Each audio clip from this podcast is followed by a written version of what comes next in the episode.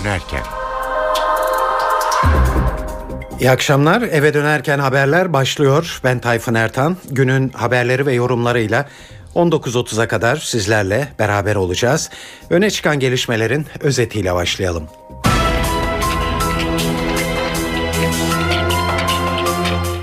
BDP'li 10 milletvekili hakkında hazırlanan fezlekelerin gerekçeleri belli oldu. Savcılığa göre milletvekilleriyle PKK'lıların buluşması bilinçli, planlı ve topluma mesaj verme amaçlı.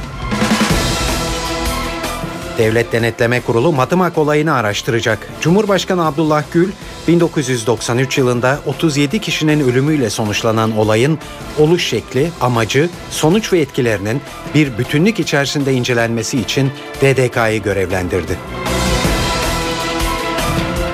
BOTAŞ elektrik santrallerine sattığı doğalgazın fiyatına %37 zam yaptı.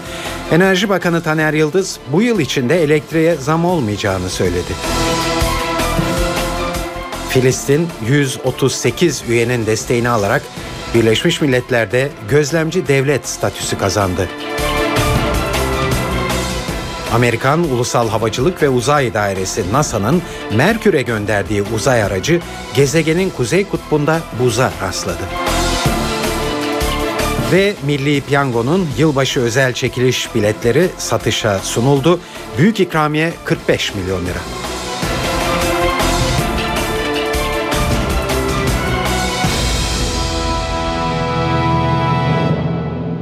Şimdi ayrıntılar.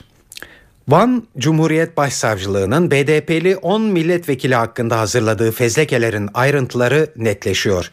Gerekçelerin ne olduğu belli oldu. Savcılığa göre milletvekilleriyle PKK'lıların buluşması bilinçli, planlı ve topluma mesaj verme amaçlı. Fezleke'de bir PKK'lının ifadesi de yer alıyor. Bu örgüt üyesi ifadesinde milletvekillerinin Şemdinli'ye geleceklerinin önceden bilindiğini söylüyor. Ayrıntıları NTV muhabiri Ercan Gürses anlatıyor. Van Cumhuriyet Başsavcılığı'nın BDP'li 10 milletvekili hakkında hazırladığı fezlekelerin ayrıntıları netleşiyor. Van Cumhuriyet Başsavcılığı kucaklaşma sırasında grubun güvenliğini sağlayan ancak sonraki günlerde teslim olan Zinar Kod adlı terör örgütü mensubunun ifadesine dayanarak görüş bildirdi. Savcılığa göre milletvekilleriyle PKK'ların orada bir araya gelmesi tesadüf değil. Savcılık kucaklaşma görüntüleriyle PKK, Şemdinli'de örgütün hakimiyeti altında bulunan bir alan oluşturulduğu imajı yaratmak istediği görüşünde. Fezleke'de ayrıca milletvekillerinin teröristlerle buluşmasının ardından yaptıkları konuşmalara da yer verildi. Buluşma sonrası bir internet sitesine röportaj veren bazı milletvekilleri gerillaları görünce yüreğimiz titredi. Bir anne olarak bunu derinde hissettim. ifadelerini kullandılar. Van Cumhuriyet Başsavcılığı tarafından hazırlanan fezlekede Dinar Kod adlı terör örgütü mensubunun ifadesine de yer verildi örgüt üyesi ifadesinde milletvekillerinin Şembinli'ye geleceklerinin önceden bilindiğini söyledi. BDP'li milletvekilleriyle görüşen PKK'lıların örgütün Hakurke grubu olduğunu söyleyen örgüt üyesi başka bir grubunda 500 metre mesafede emniyet tedbiri aldığını belirtti. Ercan Gürses, NTV Radyo Ankara. Fezleke konusu siyasette sadece bir fezleke olayı olmanın ötesine giden tartışmaları da beraberinde getirdi. Bir süredir zaman zaman Cumhurbaşkanı ve Başbakan arasında baş gösteren görüş ayrılıkları fezleke tartışmalarında da örneğin bir kez daha görüldü. Cumhurbaşkanı Abdullah Gül daha dün 1994 yılında DEP milletvekillerinin meclisin önünden polis tarafından derdest edilmelerini hatırlattı ve kendimizi çıkmaz sokaklara itmememiz lazım, geçmişte olanların tekrar edilmemesi gerekir diye konuştu. Gül ayrıca meclis açılışında yaptığı konuşmaya da dikkat çekmiş ve meclis kompozisyonunda meydana gelebilecek her türlü noksanlığın çözümleri daha da ötelemekten başka bir işe yaramayacağını ifade ettiğini hatırlatmıştı. Son birkaç gündür Cumhurbaşkanı ile Başbakan arasında bu ayrılığa vurgu yapılmakta. Bunu nasıl değerlendirebileceğimizi Radikal Gazetesi Ankara temsilcisi Deniz Zeyre'ye sorduk. Cumhurbaşkanı Abdullah Gül'ün durduğu nokta e, devlet açısından biraz daha sağduyulu bir nokta. Başbakanın durduğu nokta ise siyaset zemininde değerlendirilmesi gereken bir nokta. Yani ikisinin bulunduğu konumların siyasetlerini ve bakış açılarını belirlediğini düşünüyorum. Çünkü Türkiye'de e, özellikle geçtiğimiz dönemde geride bıraktığımız dönemde çok sayıda şehit haberi olması kamuoyunda bir PKK'ya karşı e, pasiflikle suçlanma riski doğurmuştu hükümet açısından. Önümüzdeki dönemde de birkaç seçim ardı ardına yaşanacak. Dolayısıyla böyle bir siyasi konjonktür söz konusu.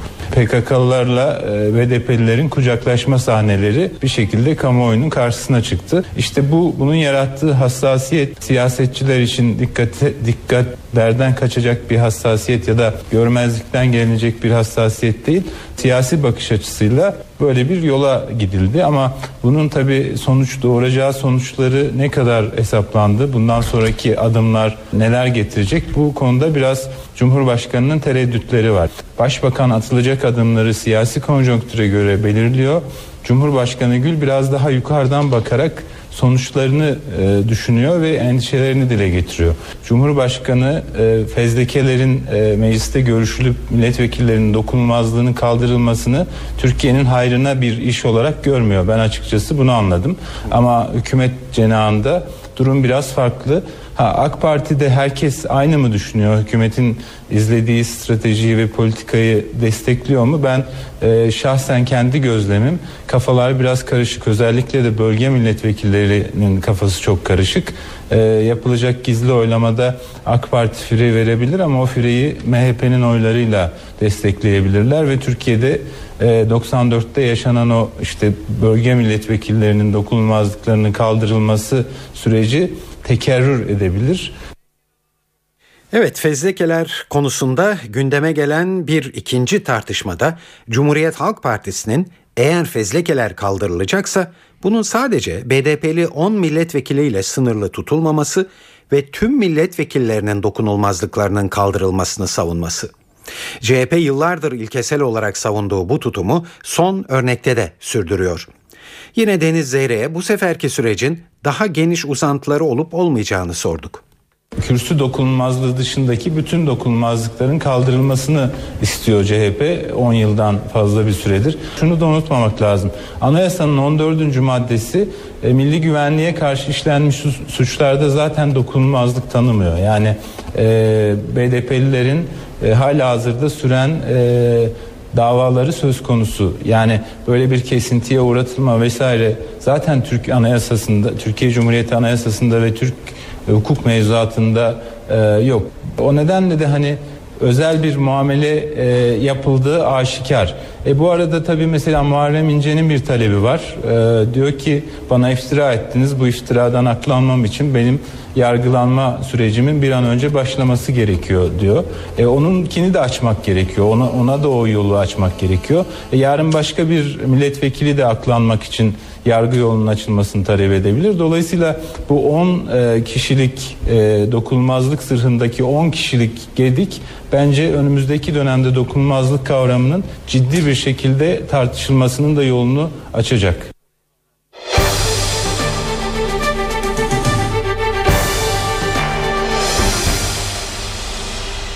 Devlet Denetleme Kurulu Madımak olayını araştıracak.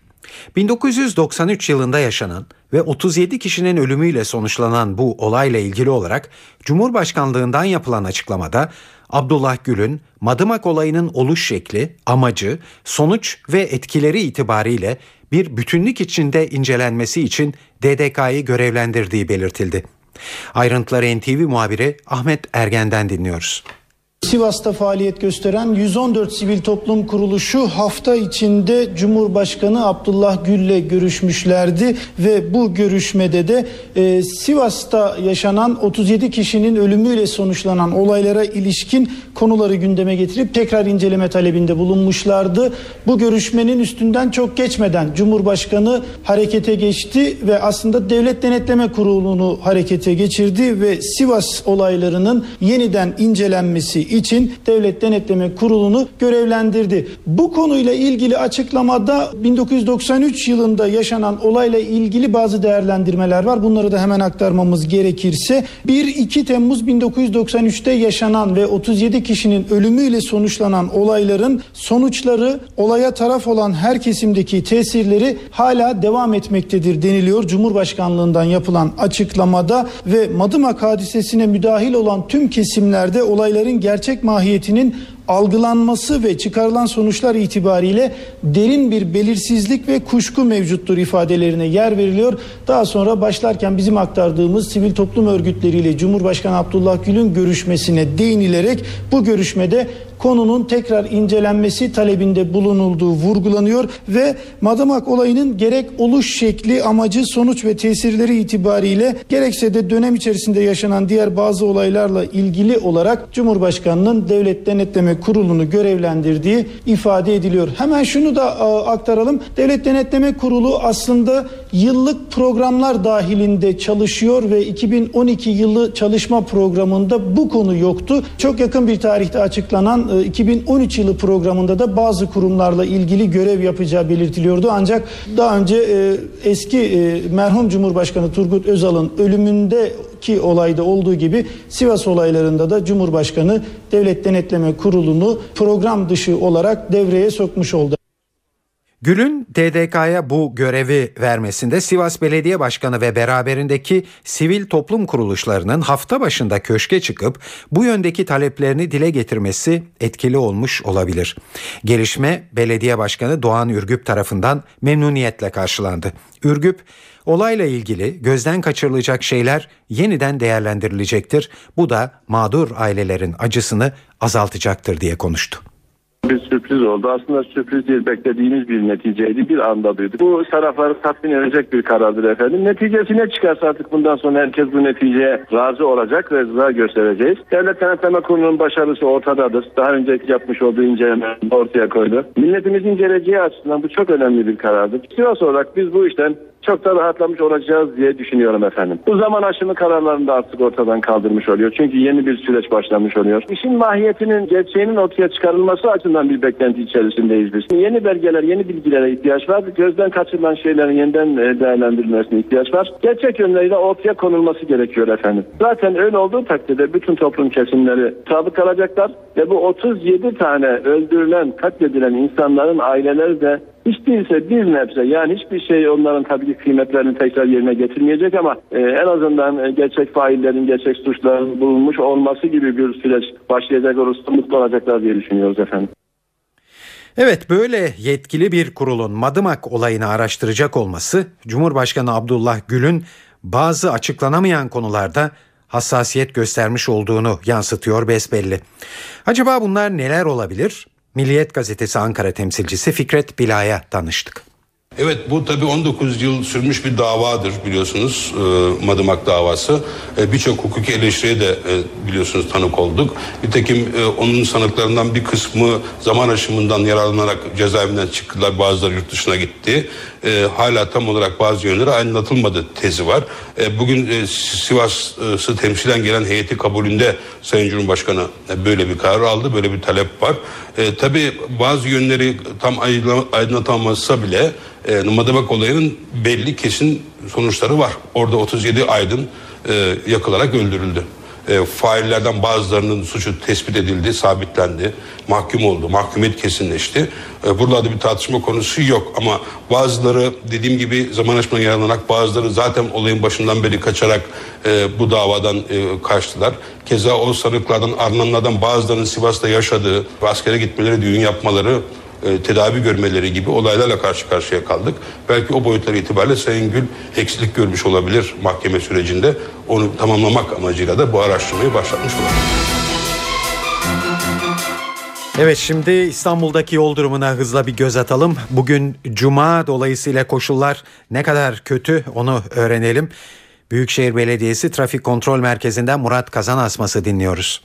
Akşam trafiği yağışın etkisiyle biraz yoğun başladı. Örneğin Anadolu Avrupa geçişinde Boğaziçi Köprüsü'nde oluşan yoğunluk Çamlıca'ya geçince Acıbadem civarında başlarken Altınizade trafiği ve sonrasındaki yoğunlukta köprü yönünde devam etmekte. Aynı güzergah içerisinde Boğaziçi Köprüsü'ne baktığımızda yine Yıldız katılımının yoğunluğu Avrupa Anadolu geçişinde artmış durumda.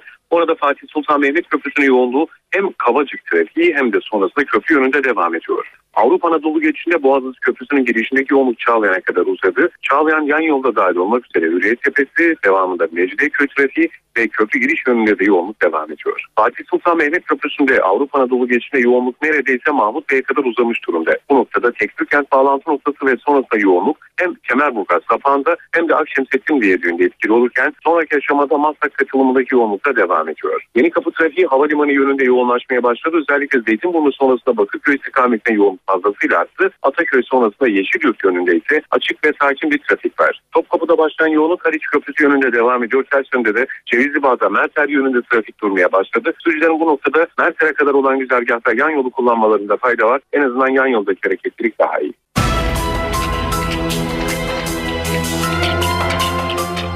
BOTAŞ'ın elektrik santrallerine sattığı doğalgazın fiyatına %37 zam yapmasının ardından elektriğe de zam gelecek mi sorusu gündemde. Gazeteciler bugün bu soruyu Enerji Bakanı Taner Yıldız'a yönelttiler. Yıldız Aralık ayında herhangi bir zammın söz konusu olmadığını söyledi. Ama bakan yeni yılda ne olacağına ilişkin net konuşmadı. Kamu kurum ve kuruluşlarının e, Enerji ve Tabi Kaynaklar Bakanlığı'na bağlı ilgili ve ilişkili bütün kuruluşlar arasında zaman zaman bu tür düzenlemeler yapılır. Bunun vatandaşımıza sirayet edeceği herhangi bir husus yoktur. E, Aralık ayı içerisinde e, gerek doğalgazı gerekse e, elektrik fiyatlarını Kasım ayındaki fiyatlarla beraber alacak vatandaşlarımız. Sanayicimizde ve mesken kullanıcılarında herhangi bir fiyat değişikliği yoktur. Kendilerine sirayet edecek onları etkileyecek herhangi bir düzenleme yapılmamıştır. Arkadaşlar her ay kendi içerisinde değerlendiriyoruz. Biz dünyadaki petrol fiyatları ne olacak, pariteler ne olacak bununla alakalı bir kısım öngörülerimiz olmasına rağmen e, şu anda e, bilgi sahibi değiliz. Çok farklı değişmeler olabiliyor. Dediğim gibi arz ve talepte herhangi bir değişiklik görünmüyor olmasına rağmen e, bölgemizdeki siyasi istikrarsızlıkların etkilediği bir ham petrol fiyatları var. O açıdan ben bu konuşmaların hepsini önümüzdeki yılın başına kadar yani Aralık ayının sonuna kadar konuşmuş oluyorum.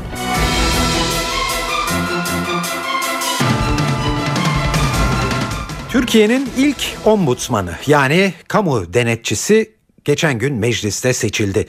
Vatandaşla devlet arasındaki sorunlarda ara buluculuk yaparak taraflar arasındaki sorunları çözecek olan kurumun başına getirilen isim bazı tartışmaları da beraberinde getirdi.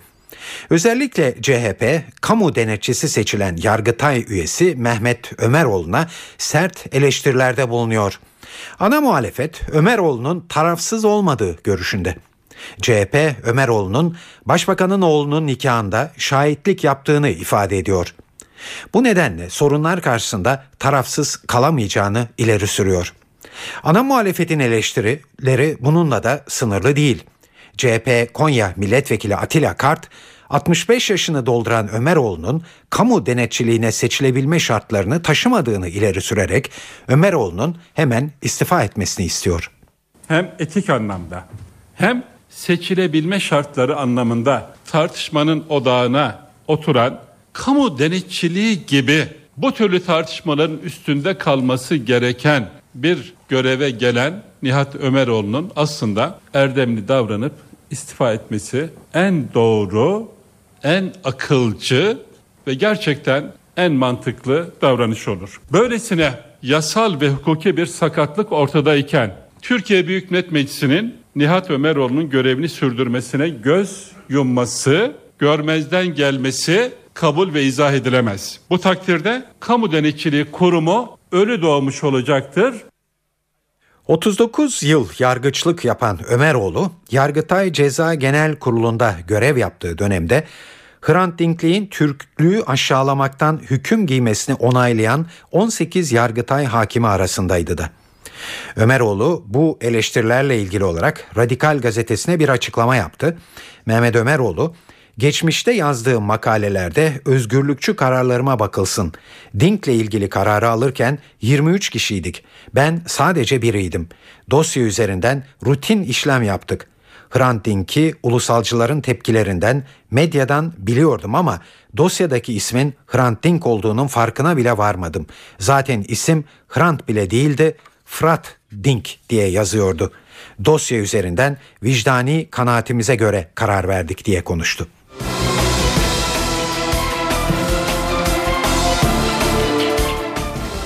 Suriye'de şiddet olayları artıyor. Son olarak Şam Havalimanı çevresinde yoğunlaşan çatışmalar nedeniyle bazı uçuşlar iptal edildi. Suriye'nin ayrıca dış dünyayla bağlantısı da kopmuş durumda. İnternet ve cep telefon hizmetleri artık kesik. Suriye'deki son durumu NTV muhabiri Hediye Levent'ten alıyoruz. Başkent Şam başta olmak üzere Suriye'nin birçok kentinde çatışmalar, e, askeri operasyonlar ve helikopter ya da uçak destekli bombardıman devam ediyor. Başkent Şam'ın kırsalındaki çatışmalar da iyice tırmandı. Özellikle Şam Uluslararası Havalimanı çevresinde akşam saatlerine doğru iyice şiddetlendi bu çatışmalar ve çatışmaların yaşandığı saatlere denk gelen uçuşların bir kısmı iptal edildi. Yine şehir merkezinden havaalanına giden ana yol, ana güzergahta geçici bir süreliğine kapatıldı kısa bir süre için. Yine çatışma saatlerinde o bölgede bulunan Birleşmiş Milletler Gözlemci Heyetine bağlı e, iki tane asker görevli daha doğrusu araçlarına açılan ateş sonucunda hafif yaralandılar. Hava alanları başta olmak üzere bazı noktaların stratejik noktaların Suriye silahlı muhalifleri tarafından ele geçirilmek istendiğini ve yönetim tarafından bu noktaların da korunmak istendiğini belirtelim. Hemen bu çerçevede Şam Havalimanı özellikle muhaliflerin ele geçirmek istediği stratejik noktaların başında gelen noktalardan yani yerlerden biri. Ee, diğer taraftan Başkent Şam'ın kırsalında bugün sabah saatlerinden itibaren bazı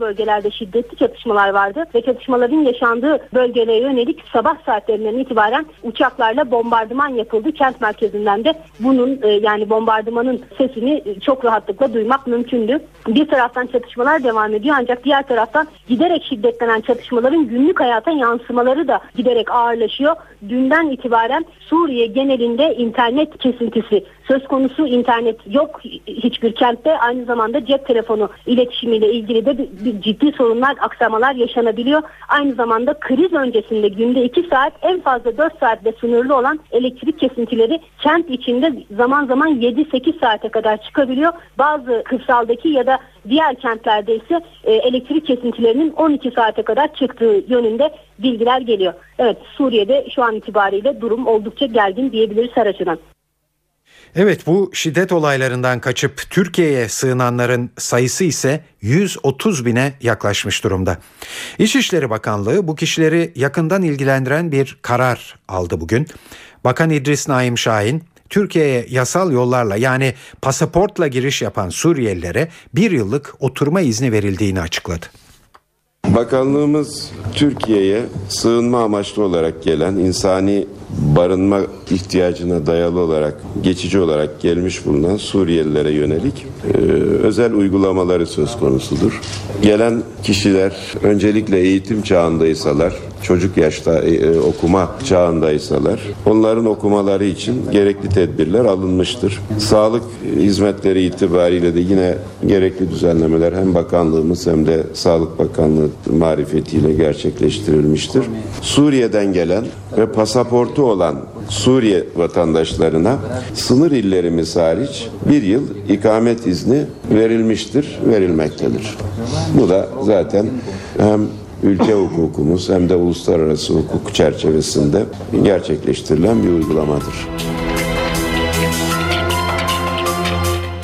Rusya Devlet Başkanı Vladimir Putin 3 Aralık'ta Türkiye'ye geliyor. Ziyaret öncesinde Rusya'nın Ankara Büyükelçisi Vladimir Ivanovski'den önemli mesajlar geldi. Ivanovski Türkiye'de konuşlandırılacak Patriot füze sistemleri konusunda Ankara'dan ayrıntılı bilgi istediklerini ifade etti. Büyükelçi Rusya'dan Suriye'ye giderken Ankara'ya indirilen uçakla ilgili olarak da el konulan malzemeye ilişkin bir açıklamada bulundu. Rus Büyükelçinin mesajlarını NTV muhabiri Didem Tuncay anlatıyor. Rusya Devlet Başkanı Vladimir Putin 3 Aralık'ta günübirlik bir ziyaret için İstanbul'da olacak ve gerçekleştireceği görüşmeler sırasında en önemli gündem maddesi Türkiye'ye konuşlandırılacak Patriot sistemleri olacak gibi görünüyor. Rusya'nın Ankara Büyükelçisi Vladimir Ivanovski'den de bugün bu konuda önemli mesajlar geldi. Büyükelçi Türkiye'den bilgi talep ettiklerini açıkladı. Ortaklarımızdan bu konudaki detayları bize aktarmalarını istiyoruz şeklinde yönünde bir açıklama yaptı Büyükelçi. Konunun Rusya Devlet Başkanı tarafından gündeme getirileceğinin altını çizdi. Türkiye'nin güvenliğiyle ilgili her türlü kararı alma yetkisine kayıtsız, şartsız sahip olduğunu da söyledi Büyükelçi. Bunu kabul ettiklerini ifade etti ancak riskler de artıyor dedi. E, Patriot sistemlerinin Türkiye'ye konuşlandırılmasının e, NATO'nun Suriye'ye sürüklenebileceğini gösterdiğini söyledi. E, Büyükelçiden geçen ay Rusya'ya, Rusya'dan Suriye'ye giderken Esenboğa Havalimanı'na indirilen Suriye uçağıyla ilgili de e, açıklamalar geldi. Uçakta Suriye'ye ait uçak savar radar sistemi yedek parçaları bulunduğuna işaret etti Büyükelçi. E, bunların Rusya tarafından tamir edildiğini söyledi. Ancak önceden Türkiye'ye bildirim yapılmadığını da ifade etti. E, bunun bir hata olduğunu söyledi. E, diğer taraftan bu malzemelerin uçakta bulunan malzemelerin askeri mühimmat kapsamında olmadığını da ifade etti. Artık bu konuyu kapatmak istiyoruz şeklinde konuştu. E, Suriye konusunda ve diğer uluslararası konularda yaşanan görüş ayrılıklarının iki ülke ilişkilerini etkilemeyeceğini, ikili ilişkilerdeki e, çıkarların unutulmaması gerektiği mesajı da geldi. Büyükelçiden öne çıkan açıklamaları bu şekildeydi.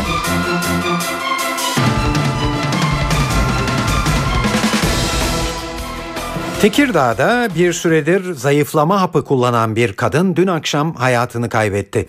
Kesin ölüm nedeni otopsi ardından belli olacak. Ancak aile ölüme zayıflama hapının neden olduğunu iddia ediyor.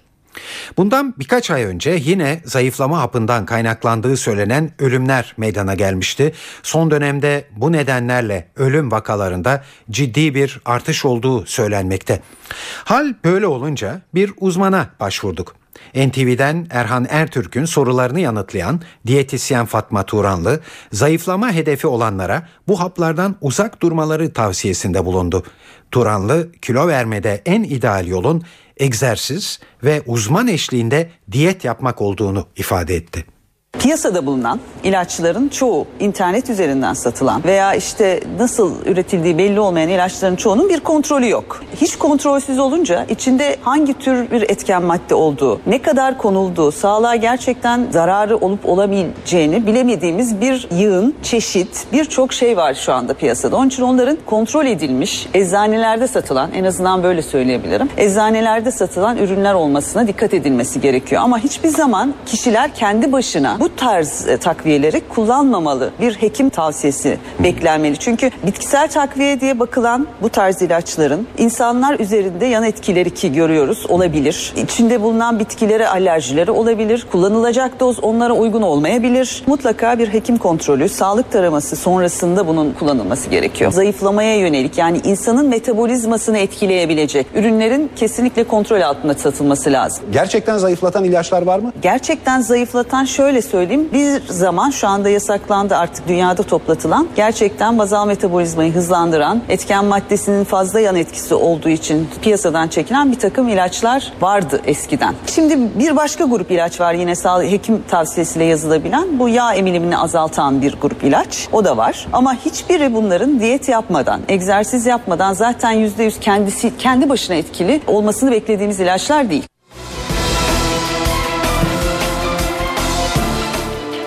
Milli Piyango'nun yılbaşı özel çekiliş biletleri satışa sunuldu. Büyük ikramiye bu yıl tam 45 milyon lira. Meblağ bu denli yüksek olunca tabii vatandaşlar ilk günden satış gişelerine ve seyyar bayilere ilgi gösterdiler. 5 tane aldım. İnşallah çıkacak. Eşimi dostumu sevindireceğim. Var mı bir hayaliniz? Olmaz mı? O kadar çok hayallerimiz var ki inşallah gerçekleşir. Öyle diyelim. Ne mesela? Ne yaparsınız? Valla en başta çıkarsa kendime güzel bir ev alırım. Kızlarımın doğum tarihleri 2 ve 7. Çıkarsa çocuk köyü kuracağım. Eğitim yaptıracağım. Eğitimciyim. 5 tane aldım. Siz çıkarsa ne yapacaksınız hayaliniz? İki tane oğlum var onları evlendirmeye düşüyor. Şansımızı deneyeceğiz bakalım. Çıkarsa ne yapacaksınız? Hayalinizde ne var? Ee, eşe dosta bir şeyler faydamız olursa olur. İki bilet aldım. Ne yapmayı planlıyorsunuz eğer çıkarsa? Ben ilk önce kendi ve ailemin hayatını düzene sokarım. Evet piyango biletlerinde bu yıl fiyatlar çeyrek için 10, yarım için 20 ve tam bilet için 40 lira olarak belirlendi. Talih kuşunda büyük ikramiyenin yanı sıra 2 milyonda amorti var.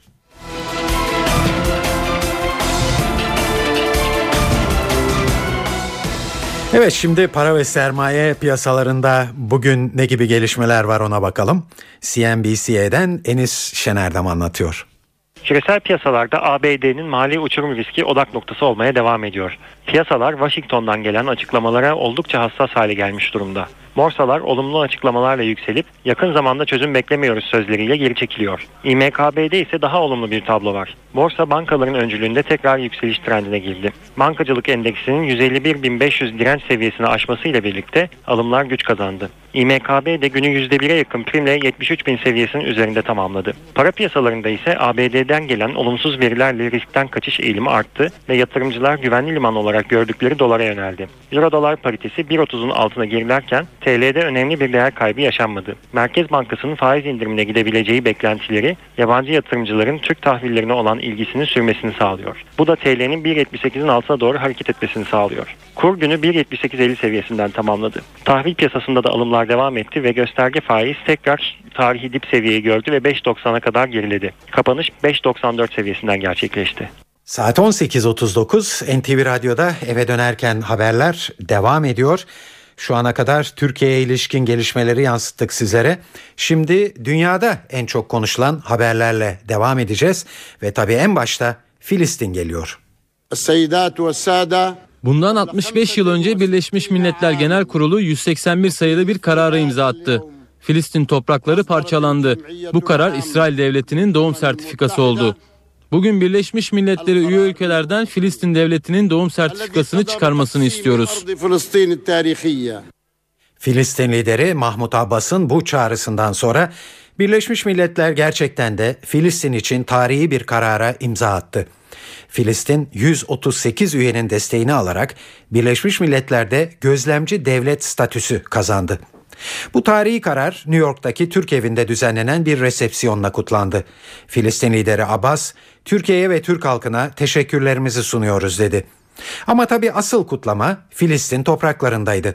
Ramallah'ta yüzlerce kişi sokaklara döküldü, Gazze'de tam anlamıyla bayram yerine döndü. Birleşmiş Milletler'deki oylamada Amerika Birleşik Devletleri, İsrail ve Çek Cumhuriyeti'nin de aralarında bulunduğu 9 ülke hayır oyu kullandı. İsrail Başbakanlık Ofisi'nden yapılan açıklamada bu anlamsız karar hiçbir şeyi değiştirmeyecek. İsrail vatandaşlarının güvenliği garanti altına alınmadıkça Filistin devleti kurulmayacak dendi. Amerikan Dışişleri Bakanı Hillary Clinton ise oylama için barışın önünde engel teşkil edecek talihsiz bir karar değerlendirmesinde bulundu. Amerika'nın olumsuz yönde oy kullanması Türkiye'yi memnun etmedi. Dışişleri Bakanı Ahmet Davutoğlu, Amerika'nın hayır oyu vermesi bizi üzmüştür. Ümit ederiz ki süper güç olarak Washington Orta Doğu'daki bu yeni durumu değerlendirir dedi. Maalesef Amerika Birleşik Devletleri gerek kabul sonrası yaptığı açıklamada gerek daha önce ve daha sonra yapılan açıklamalarda ve tabii kullandığı oyla bu kararın karşısında yer aldı. Doğrusu Amerika Birleşik Devletleri gibi küresel bir gücün uluslararası toplumun açık bir tavrı ki uluslararası toplumun vicdanını Birleşmiş Milletler Genel Kurulu temsil eder. Birleşmiş Milletler Güvenlik Konseyi operasyon olarak önemlidir ama nihayet 15 üyeden oluşur ve kararları da 5 daimi üyenin denetimindedir veto yetkisiyle. Ama Birleşmiş Milletler Genel Kurulu'nda alınan kararlar operasyonel olma daha az operasyonel gibi görünmekle birlikte aslında uluslararası toplumu daha çok temsil eden kararlardır. Şimdi böyle bir kararda çok küçük bir azınlığın içinde yer alması bizi üzmüştür Amerika Birleşik Devletleri'nin 9 üye ile birlikte 138 ülkenin üyenin karşısında olması her şeyden önce doğrusu Amerika Birleşik Devletleri yetkililerinin düşünmesi gereken bir husustur. Amerika Birleşik Devletleri bizim müttefikimizdir. Her konuyu kendileriyle açık bir şekilde istişare ederiz. Bu konudaki tutumumuz da kendilerince bilinir. Bundan sonra da Orta Doğu barış süreci hususunda tutumumuzu kendileriyle açık bir şekilde şimdiye kadar olduğu gibi bundan sonra da paylaşırız. Gazze ateşkesi esnasında da temaslar oldu. Ümit ederiz ki Amerika Birleşik Devletleri bu yeni durumu değerlendirir ve yine küresel bir güç olarak uluslararası düzene, Orta Doğu'daki barışa en fazla katkı yapabilecek potansiyele sahip bir ülke olarak burada adaletin, uluslararası vicdanın yanında yer alarak bundan sonraki barış sürecini ne katkıda bulunur. Bizim beklentimiz budur. Bunun bu yeni tablonun doğru değerlendirmesini ümit ediyorum. Peki Birleşmiş Milletler'de üye olmayan gözlemci devlet statüsü alması acaba Filistin'e ne getirecek? Star gazetesinden Nuh Yılmaz'ın bilgisine başvurduk.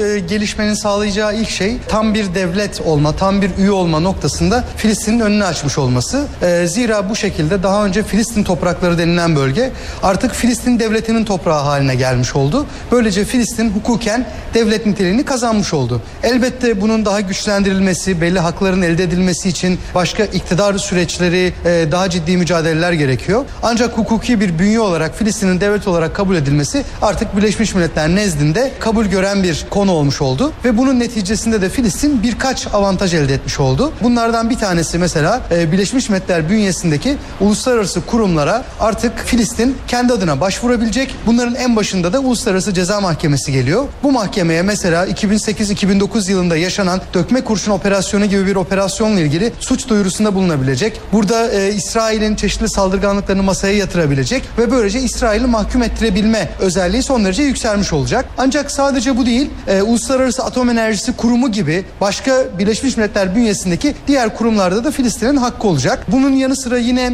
e, artık e, Filistin sadece konuk olarak değil, normal diğer üyeler gibi bir şekilde genel kurulda yapılacak olan toplantılarda söz hakkı alacak ve böylece Birleşmiş Milletler'in zaten Filistin lehinde olan gündemini kendi adına daha ciddi bir şekilde yönlendirebilmiş olacak ve kendi varlığını burada neticelendirmiş, konumlandırmış olacak. Yine bunların ötesinde bu değişen statüden dolayı artık Filistin sadece bir otorite veya topraklardan ibaret bir bünye değil, tam tersine bir devlet olacağı için e, gerek mülteciler konusu, gerek sınır ihlalleri, gerek İsrail'le yaşanan bütün sorunlarda yine diğer uluslararası mahkeme, uluslararası hukuk kuralları çerçevesinde farklı çözümler aranacak. Bütün bunların toplamında Filistin-İsrail müzakereleri çerçevesinde Filistin masaya bundan sonra artık daha güçlü oturacak. Bundan sonra İsrail'le mücadele ederken ya da müzakere ederken kendisi de eşit bir devlet gibi e, ele alınacak ve hukuken de böyle tanınmış olacak.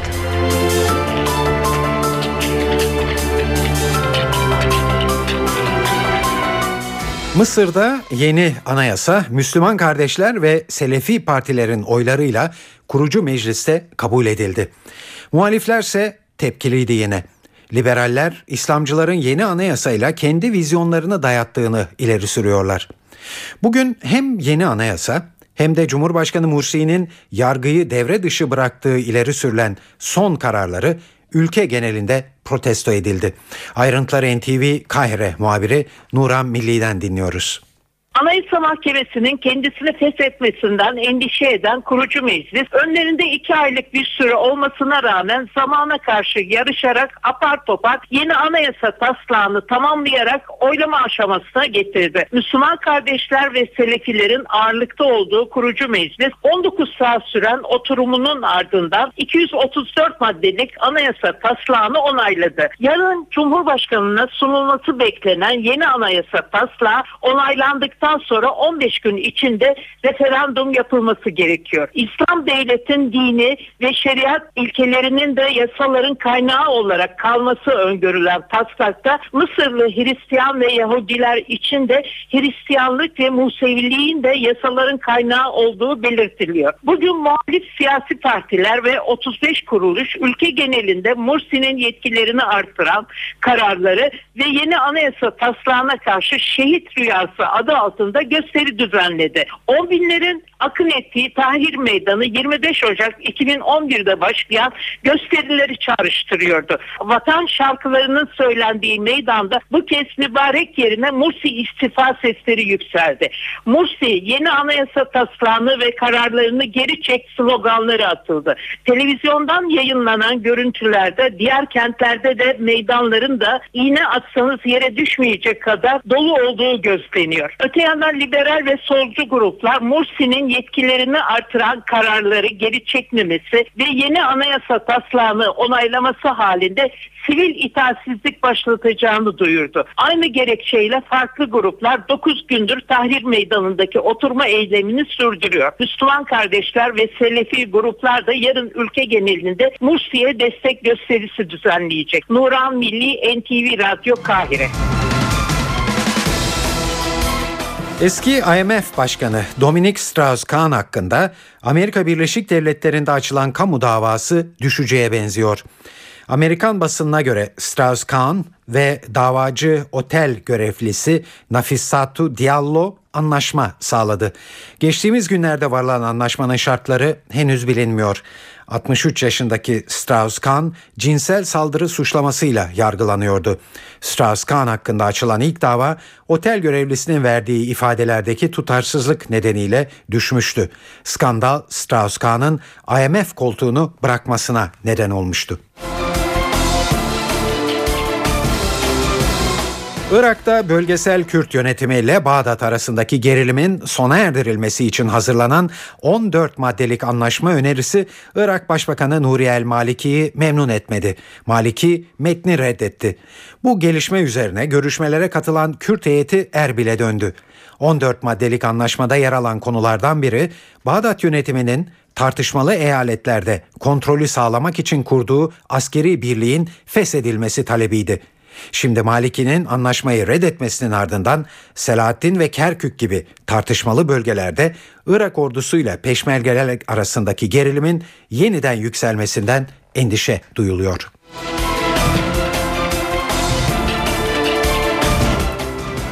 Dünya önümüzdeki ayın 21'inde sona erecek mi? Evet, Aralık ayı yaklaştıkça tartışmalar da artıyor felaket senaryolarıyla ilgili son açıklama Amerikan Ulusal Havacılık ve Uzay Dairesi NASA'dan geldi. NASA hazırladığı özel internet sayfasında dünyanın 21 Aralık tarihinde yok olmayacağını duyurdu. NASA olası kıyamet senaryolarının gerçeği yansıtmadığını söylüyor. Maya takviminde adı geçen Marduk gezegeninin dünyaya çarpacağı iddialarını ele alan NASA, bırakın böyle bir çarpmayı böyle bir gezegenin var olmadığını belirtiyor. NASA açıklamasında eğer Marduk gezegeni olsaydı dünyaya çarpacağını 10 yıl önceden tahmin edebilirdik diyor. NASA'ya göre 21 Aralık'ta sadece olağan bir gün yaşanacak.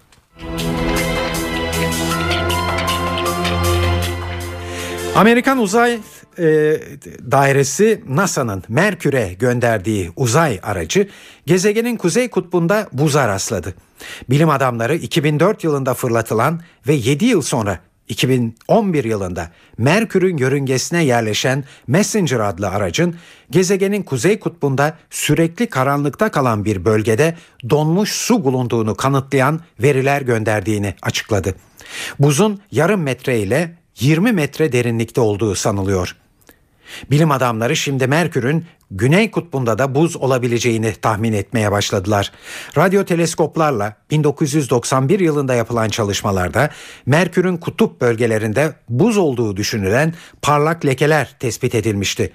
Güneş'e en yakın gezegen olan Merkür, Güneş sistemindeki en küçük gezegen. Dünyanın üçte biri büyüklüğünde ve Merkür'ün yüzeyinde sıcaklık artı 425 ile eksi 180 derece arasında değişiyor.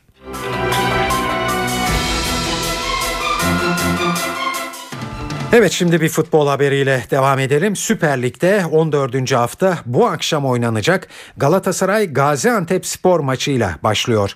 20'de başlayacak mücadele öncesinde son bilgileri NTV Spor muhabiri Irmak Kazuk'tan alıyoruz. Galatasaray'ın kalesinde Fernando Muslera'yı göreceğiz. Geri dörtlüye baktığımızda Ebu Esemih, Dani Albert Riera savunma tertibi. Orta alanda Hamit Selçuk Melo ve Amrabat ileride ise Umut Burak ikilisi şeklinde Galatasaray bugün saha içerisinde 4-4-2 dizilişiyle Gaziantep Spor'a karşı bu 11 futbolcuyla mücadele edecek. Dün akşam saatlerinde Florya Metin Oktay tesislerinde yapmış olduğu antrenmanla birlikte tesislerde kampa girdi. O çalışmada Chris bir sakatlık geçirdiği için kamp kadrosundan e, ve 18 kişilik maç kadrosundan da da çıkartılmıştı. Bugün Kristen yoksun şekilde Galatasaray mücadele edecek. Konuk takım Gaziantep Spor'dan bahsetmek gerekirse 15 puanla Gaziantep Spor takımının 13. sırada bulunduğunu hatırlatabiliriz bu karşılaşma öncesinde. Muhammed ve Yasin sakatlarından dolayı bugün Türk Telekom Arena'da Galatasaray'a karşı forma giyemeyecekler. Sırada hava durumumuz var. Bunun için de her zamanki gibi yine NTV Meteoroloji Editörü Gökhan Abur'u dinliyoruz. Batı bölgeler kuvvetli Lodos'la birlikte yağışlı havanın etkisine girdi. Yağışlar yer yer kuvvetli olmak üzere batı ve iç kesimlerdeki etkisini hafta sonunda sürdürecek. Önümüzdeki hafta kuzeyli rüzgarların kuvvetlenmesiyle sıcaklıkların Trakya'dan başlayarak hızla azalmasını bekliyoruz. Yarın Ege ve Marmara'da sağanaklar kuvvetleniyor. Yağışların Edremit Körfezi, Gökçeada, Bozcaada, Çanakkale ve Gelibolu'da çok daha kuvvetli olmasını bekliyoruz. Yarın ayrıca Batı Karadeniz ve Batı Akdeniz'de de aralıklarla yağışlar görülecek. Pazar günü yağışlar İzmir, Manisa, Bandırma arasında daha kuvvetli olmak üzere Ege, Marmara ve Batı Karadeniz'de kuvvetli, Batı Akdeniz'de ise aralıklarla devam edecek. Pazartesi günü yağışlar iç ve güney kesimlerde etkisi altına alarak doğuya doğru ilerleyecek. Evet İstanbul'da aralıklarla yağış devam ediyor. Özellikle bu akşam ve yarın da aralıklarla etkisini sürdürmesini bekliyoruz. Sıcaklıklarda azalış yok. 19 derece olacak. Pazar günü ise yağış zayıf hatta bir ara güneş bile görülebilecek. Ankara hafta sonu ılık. Sıcaklık 16 derece. Yarın hafif yağmur görülebilir. Pazar günü ise yağış beklemiyoruz. İzmir'de hafta sonu lodos kuvveti sıcaklık 19 derece olacak. Sağanak yağmur 5 gün etkisini sürdürecek. DP'li 10 milletvekili hakkında hazırlanan fezlekelerin gerekçeleri belli oldu. Devlet Denetleme Kurulu Madımak olayını yine araştıracak. BOTAŞ elektrik santrallerine sattığı doğalgazın fiyatını %37 arttırdı. Ve Filistin 138 üyenin desteğini alarak Birleşmiş Milletler'de gözlemci devlet statüsü kazandı.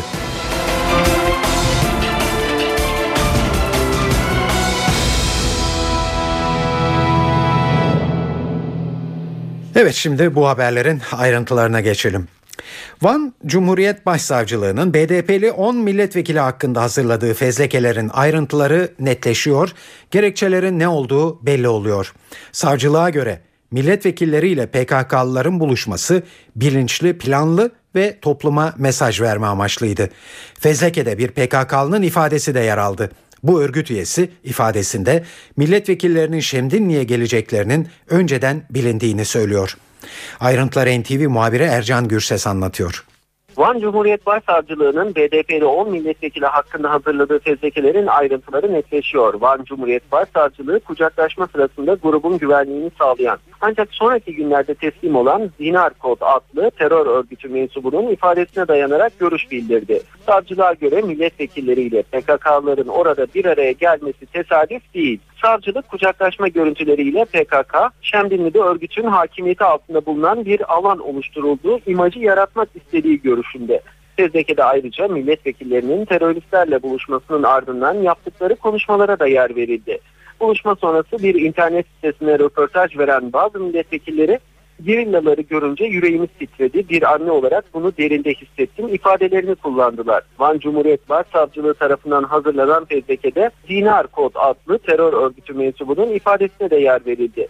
Örgüt üyesi ifadesinde milletvekillerinin Şembinli'ye geleceklerinin önceden bilindiğini söyledi. BDP'li milletvekilleriyle görüşen PKK'lıların örgütün Hakurke grubu olduğunu söyleyen örgüt üyesi başka bir grubunda 500 metre mesafede emniyet tedbiri aldığını belirtti. Ercan Gürses, NTV Radyo Ankara. Devlet Denetleme Kurulu Madımak olayını araştıracak. 1993 yılında yaşanan ve 37 kişinin ölümüyle sonuçlanan bu olayla ilgili olarak Cumhurbaşkanlığından yapılan açıklamada Abdullah Gül'ün Madımak olayının oluş şekli, amacı, sonuç ve etkileri itibariyle bir bütünlük içinde incelenmesi için DDK'yı görevlendirdiği belirtildi. NTV muhabiri Ahmet Ergen'i dinliyoruz.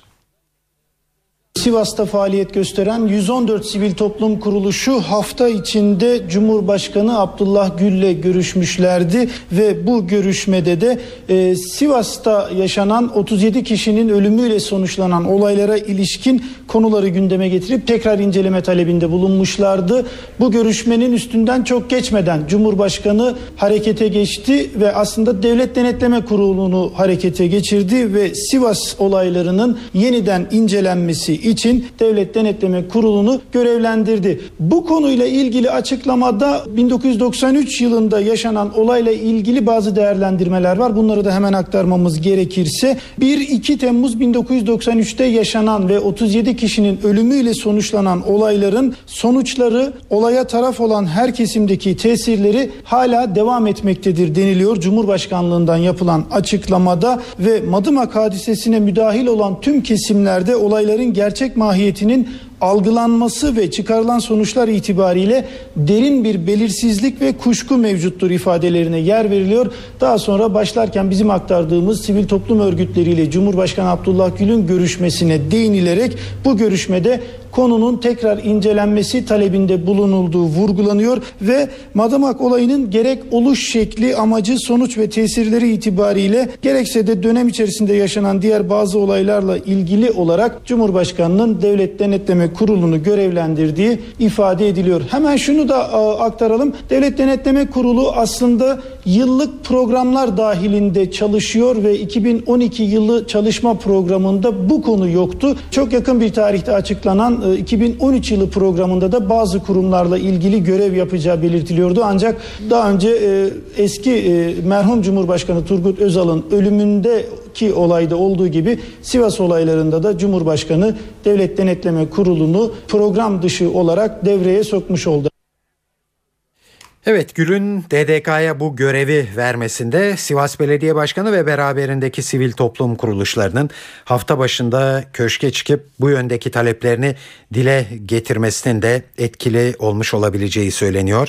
Gelişme Belediye Başkanı Doğan Ürgüp tarafından memnuniyetle karşılandı bir sürpriz oldu. Aslında sürpriz değil beklediğimiz bir neticeydi. Bir anda duyduk. Bu tarafları tatmin edecek bir karardır efendim. Neticesi ne çıkarsa artık bundan sonra herkes bu neticeye razı olacak ve rıza göstereceğiz. Devlet Denetleme Kurulu'nun başarısı ortadadır. Daha önceki yapmış olduğu inceleme ortaya koydu. Milletimizin geleceği açısından bu çok önemli bir karardır. Sivas olarak biz bu işten çok da rahatlamış olacağız diye düşünüyorum efendim. Bu zaman aşımı kararlarını da artık ortadan kaldırmış oluyor. Çünkü yeni bir süreç başlamış oluyor. İşin mahiyetinin, gerçeğinin ortaya çıkarılması açısından bir beklenti içerisindeyiz biz. Yeni belgeler, yeni bilgilere ihtiyaç var. Gözden kaçırılan şeylerin yeniden değerlendirilmesine ihtiyaç var. Gerçek yönleriyle ortaya konulması gerekiyor efendim. Zaten öyle olduğu takdirde bütün toplum kesimleri sabık kalacaklar ve bu 37 tane öldürülen, katledilen insanların aileleri de hiç değilse bir nebze yani hiçbir şey onların tabii ki kıymetlerini tekrar yerine getirmeyecek ama e, en azından e, gerçek faillerin, gerçek suçların bulunmuş olması gibi bir süreç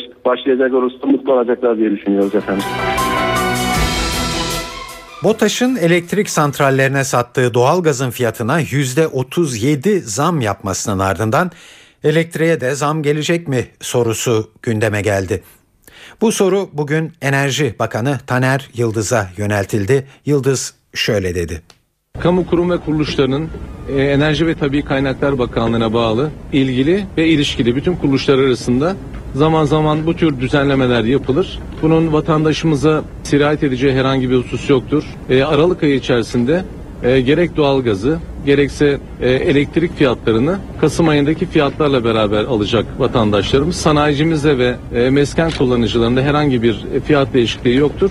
Kendilerine sirayet edecek onları etkileyecek herhangi bir düzenleme yapılmamıştır. Arkadaşlar her ay kendi içerisinde değerlendiriyoruz.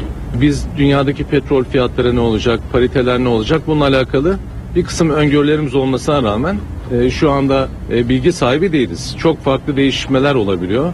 Dediğim gibi arz ve talepte herhangi bir değişiklik görünmüyor olmasına rağmen e, bölgemizdeki siyasi istikrarsızlıkların etkilediği bir ham petrol fiyatları var. O açıdan ben bu konuşmaların hepsini önümüzdeki yılın başına kadar yani Aralık ayının sonuna kadar konuşmuş oluyorum.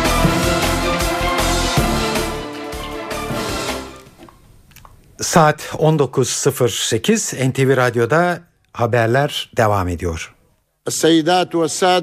Bundan 65 yıl önce Birleşmiş Milletler Genel Kurulu 181 sayılı bir karara imza attı. Filistin toprakları parçalandı. Bu karar İsrail Devleti'nin doğum sertifikası oldu.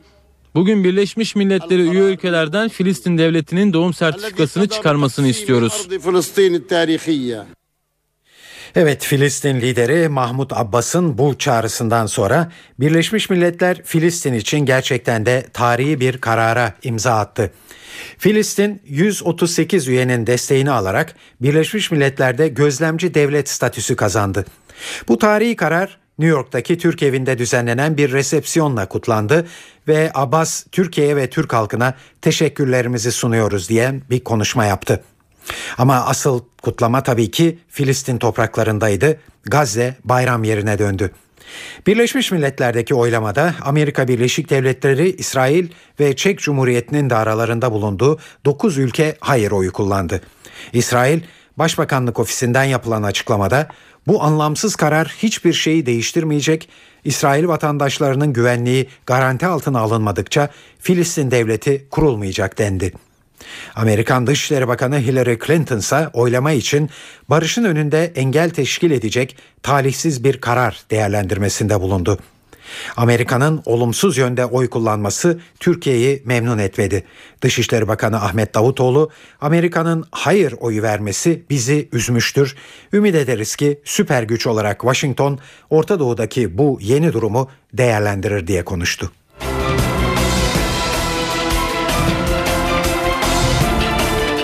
NTV Radyo'da eve dönerken haberler birazdan devam edecek.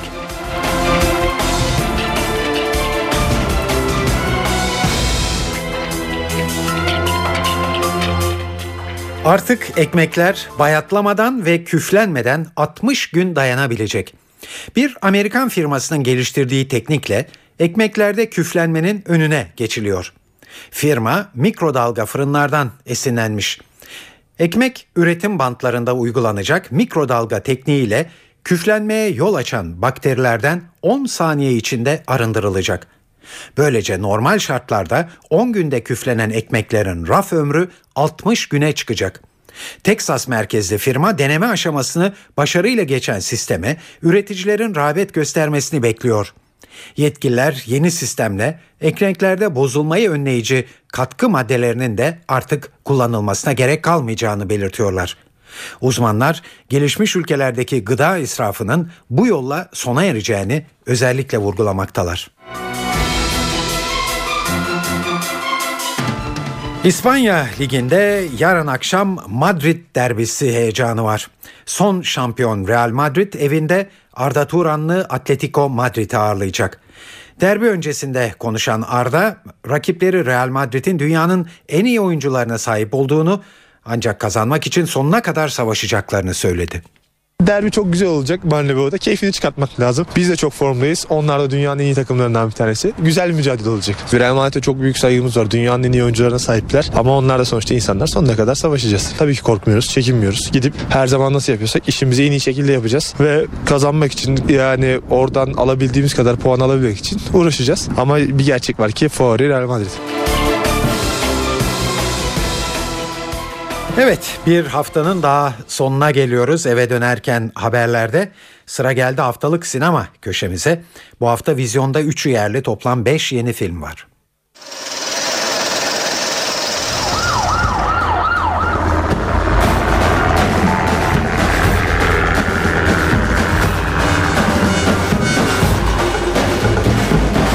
Hafta 3'ü yerli 5 film gösterimde. İlk olarak yerli yapımlara bakalım. Ben bunları hak ettim mi? Ya da hak edecek ne yaptım? 2011'deki Adana Altın Koza Film Festivali'nde izleyici ödülüne layık görülen Simurg belgeseli gazeteci yönetmen Ruhi Karadağ imzalı. Belgesel 2000 yılında Bayrampaşa cezaevinde F tipi cezaevlerine tepki göstermek amacıyla başlatılan ölüm oruçları ve sonrasında gerçekleştirilen hayata dönüş operasyonunu anlatıyor. 1996'da ilk ölüm orucu eylemini başlatan Refik Ünal, Cafer Gürbüz, Çiğdem Kazan, Hüseyin Muharrem Gündüz, Ali Ekber Akkaya ve Delil İldan'ın hem 2000 hem de 2010 yılında çekilen görüntülerinin kullanıldığı belgesel film onların hikayesi üzerinden şekilleniyor. Korsakov hastalığına yakalanan, konuşmakta ve yürümekte zorluk çeken 6 arkadaşın düşünceleri, umutları, tanıklıkları ve bugünleri izleyiciye aktarılıyor.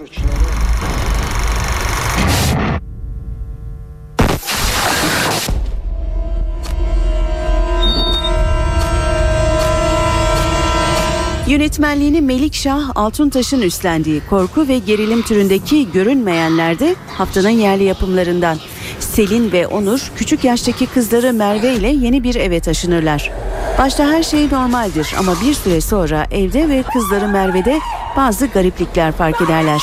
Merve'nin vücudunda nedeni belirsiz morluklar vardır. Telaşlanan ve bakıcılardan şüphelenen çift eve güvenlik kamerası kurdurup olan biteni takip etme kararı alırlar. Ama asıl tehlikenin dışarıdan değil, içeriden geleceğinden habersizdirler.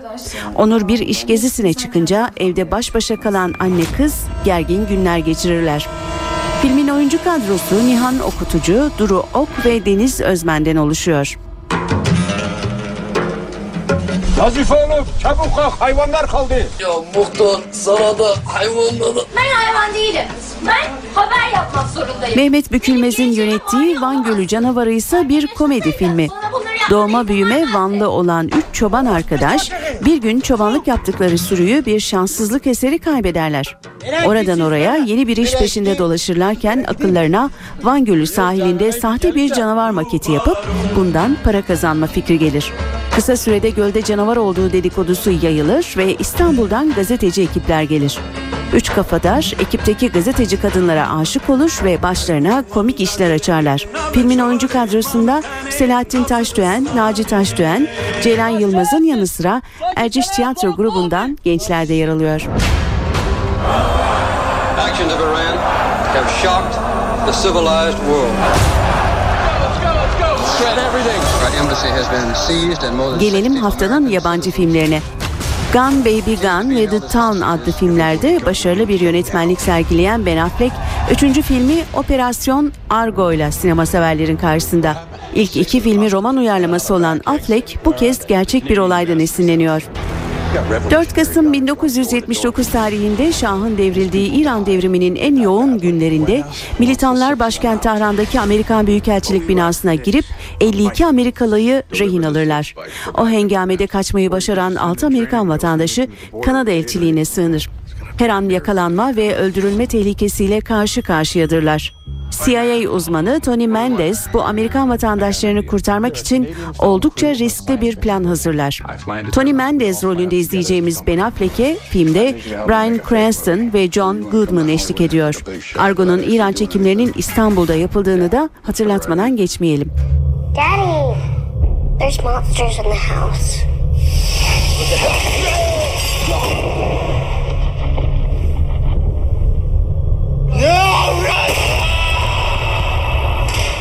Bu haftaki filmlerden biri de 1992'de başlayan Evrenin Askerleri serisinin John Hyams yönetimindeki dördüncü filmi Evrenin Askerleri İntikam Gücü.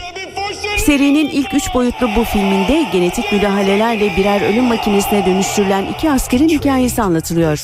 Hayatta kalmayı başaran askerler Luke Devarox ve Andrew Scott, hakimiyetin evrenin askerlerine geçtiği yeni bir dünya düzeni için savaş vermek zorundadırlar. Şimdi kendi aralarındaki güçsüzleri ayıklama zamanıdır. Zira hükümet tarafından kullanılan bir grup askerin beyni yıkanmıştır. Luke bu askerleri bir araya getirerek empoze edilmiş anıları ve düşünceleri silmek ve askerleri özgür bırakmak ister ama bu sandığı kadar kolay olmayacaktır. Filmde Jean-Claude Van Damme ve Dolph Lundgren'i 6. kez karşılıklı oynarken izleyeceğiz. There is no end. Gelelim kültür ve sanat dünyasından haberlere şimdi. Size çeşitli etkinliklerden bir derleme sunuyoruz.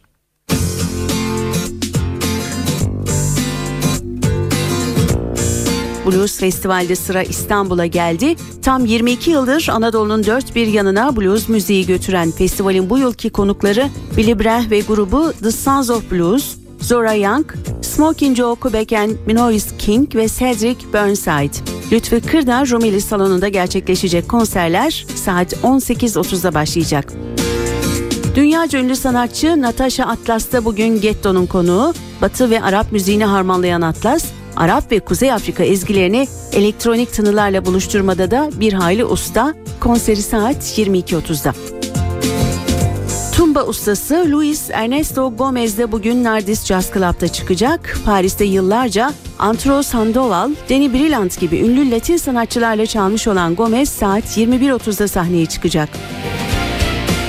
Bugün ayrıca Vega saat 22'de İstanbul Bronx'ta, Suzan Kardeş ve Bekriya Band saat 22.30'da Beyoğlu Hayal Kahvesi'nde olacak.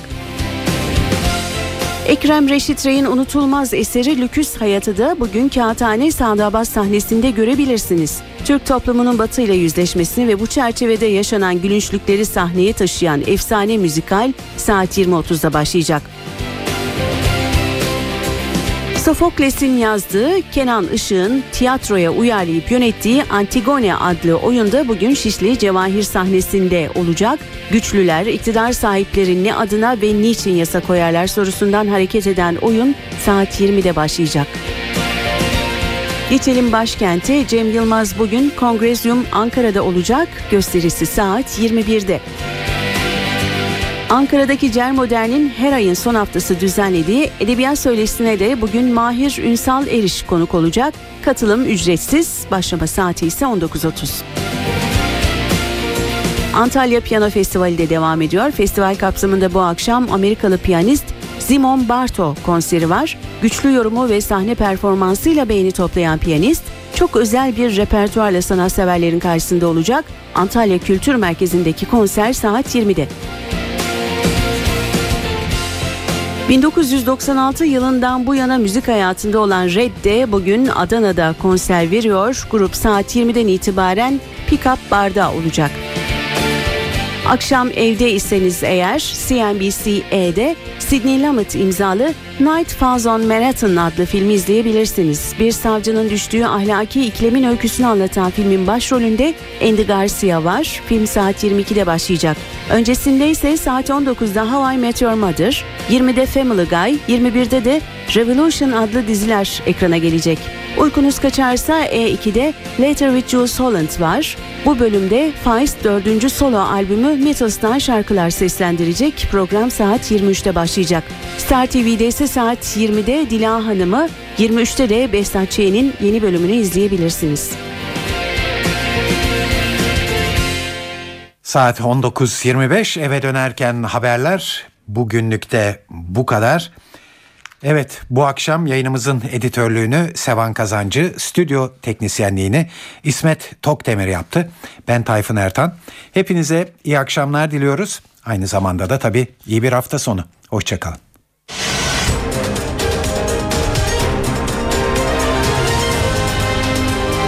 NTV Radyo, Türkiye'nin haber radyosu.